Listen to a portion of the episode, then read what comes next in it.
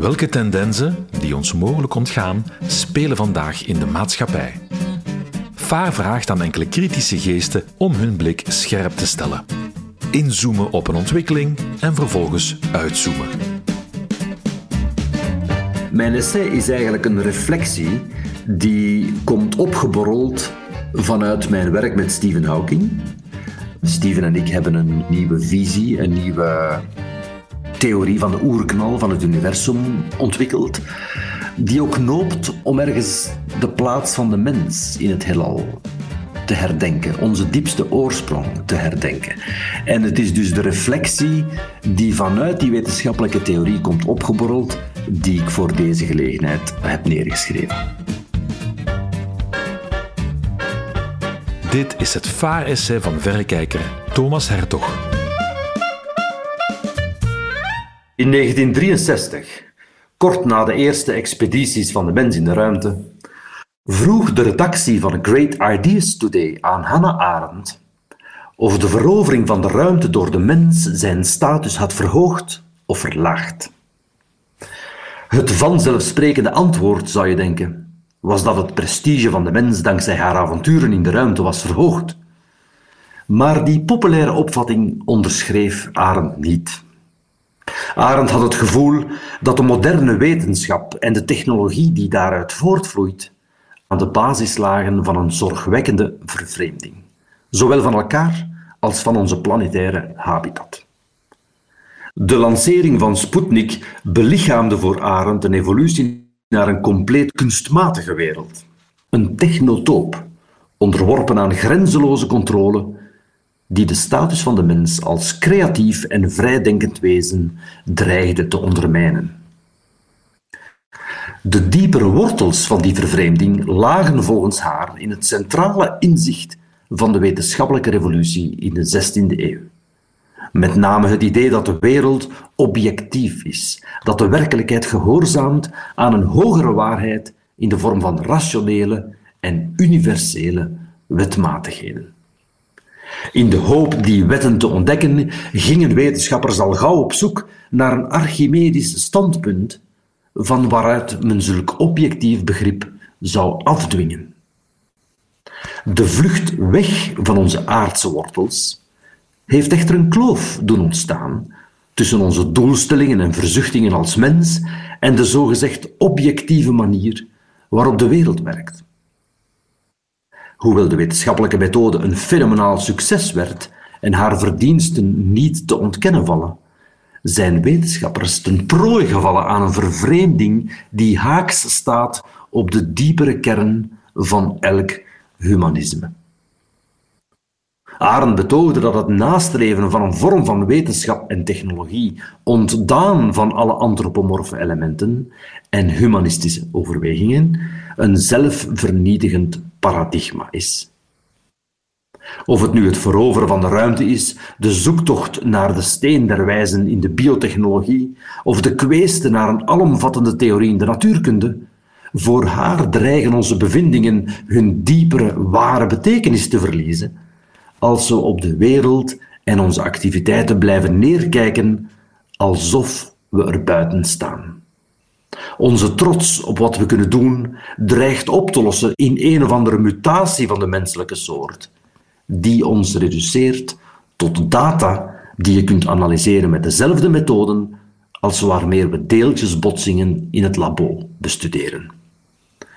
Mocht het ooit zover komen, besloot Arendt, dan zou de status van de mens naar alle maatstaven die we kennen niet alleen verlaagd worden, maar zelfs vernietigd. We zouden ophouden mens te zijn. Dit is de paradox. In onze zoektocht naar de ultieme waarheid lopen we het risico te verdwalen in de onmetelijkheid van het universum.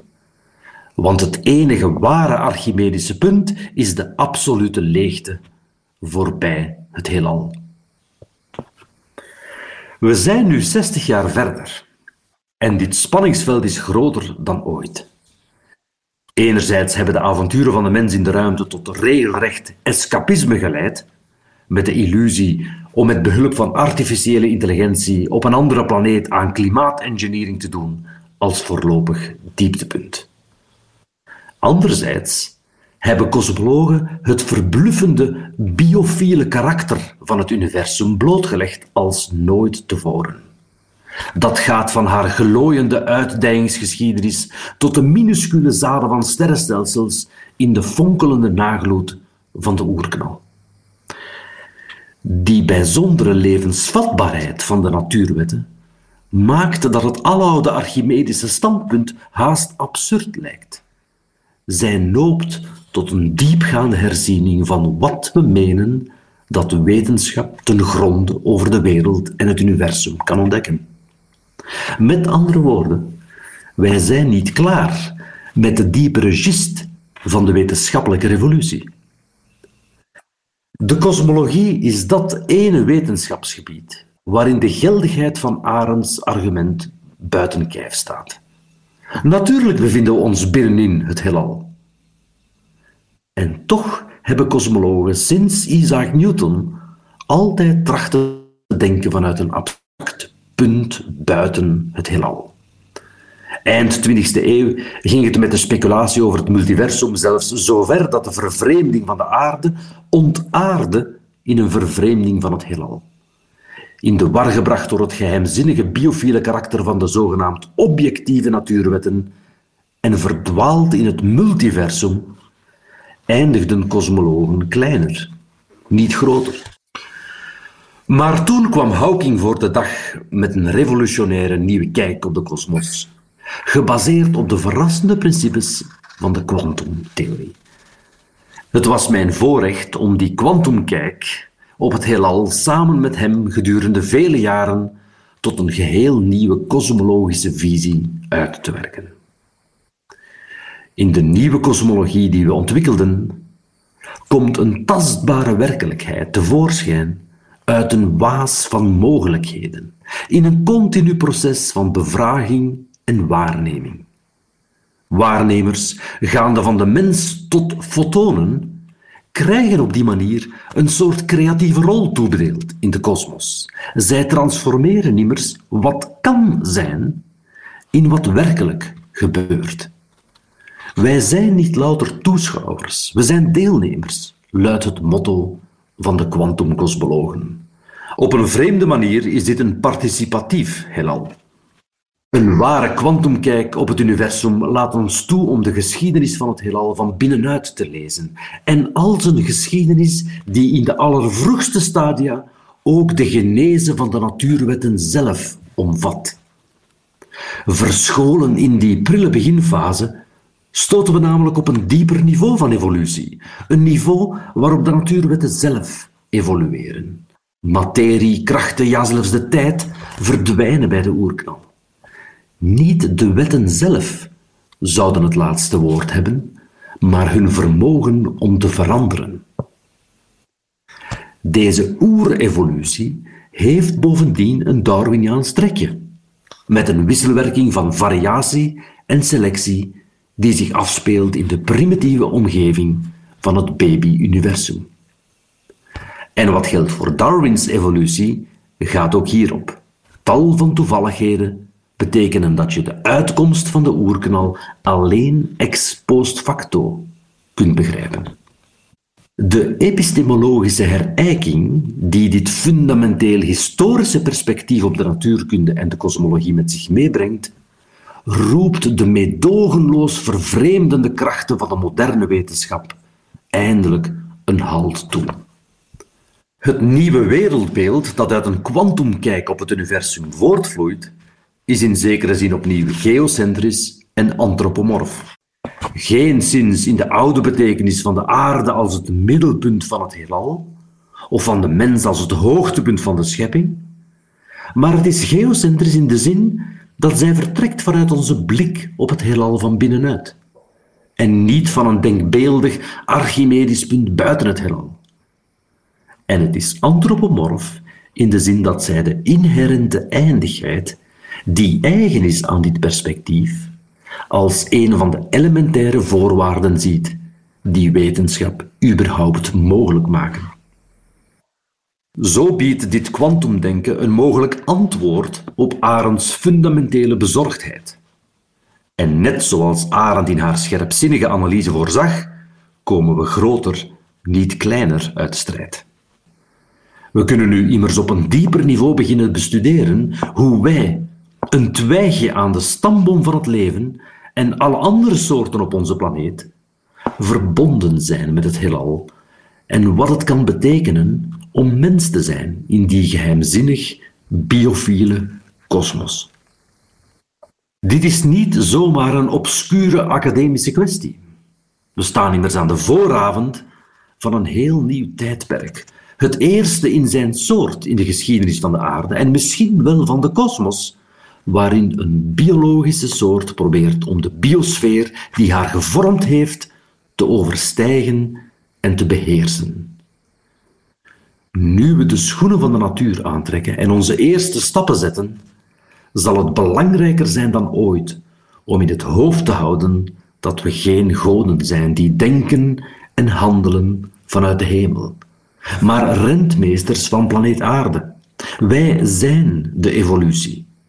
We moeten dus een pad naar een planetair bewustzijn vinden dat een perspectief op de wereld biedt dat onze relaties met elkaar en met de rest van de biosfeer hertekent op een manier die waarde aan de toekomst hecht. De existentiële risico's verbonden aan dit kritieke moment in de geschiedenis, van een wereldwijde kernoorlog en de klimaatopwarming tot ontwikkelingen in de biotechnologie en AI, zijn vandaag veel groter dan de risico's die van nature optreden. Dit is dus ook een ontzettend precair tijdperk. Liggen de belangrijkste knelpunten op de lange, meanderende weg naar een bloeiende toekomst in deze kosmos in ons verleden of in onze toekomst? Of in allebei? We beschikken slechts over één onmiskenbaar gegeven. Geen enkele buitenaardse beschaving lijkt een substantiële fractie van de stellaire systemen in onze kosmische omgeving te hebben verkend. Geen enkele van de miljarden sterren in ons verleden lijkt te zijn geëvolueerd tot een grootschalig ecosysteem met het technologieniveau dat wij binnen afzienbare tijd hopen te bereiken. De natuurwetten zijn opvallend geschikt voor het leven, maar er is geen enkel teken van leven daarbuiten. We vangen geen radiozender op die buitenaardse poëzie door de ether straalt en we zien geen mysterieuze astro-engineering projecten aan de hemel. Waar is iedereen? vroeg de Italiaanse natuurkundige Enrico Fermi zich in de jaren 1950 reeds af. Fermi had het ongemakkelijke gevoel dat de voornaamste bottleneck die ene horde is die onze huidige beschaving belet om zich op kosmische schaal van een bloeiende toekomst te verzekeren. Namelijk, we overleven mogelijk de wereld die we gecreëerd hebben niet. Eén zaak is zeker, we kunnen niet simpelweg afwachten en het beste hopen. Als de mensheid niet zelf haar eigen doelen stelt, zal niemand het voor haar doen. We kunnen de evolutie haar blinde gang laten gaan en de status van de mens verlagen tot die van een grootschalige mierenkolonie, gecollectiviseerd en gemonitord, zonder enige vrijheid. Of we kunnen beseffen dat ons lot in onze eigen handen ligt en stap voor stap de uitdaging aangaan door een gecoördineerde visie te ontwikkelen op wat een bloeiende toekomst zoal inhoudt. Een toekomst die mogelijk het ongelijk van Fermi's pessimisme kan aantonen. Door de blik vanuit het absolute niets af te wijzen, biedt de nieuwe kwantumkosmologie een krachtige kiem van hoop. Onze ontdekkingstocht naar de oerknal ging uiteindelijk over onze oorsprong, niet zomaar de oorsprong van het heelal.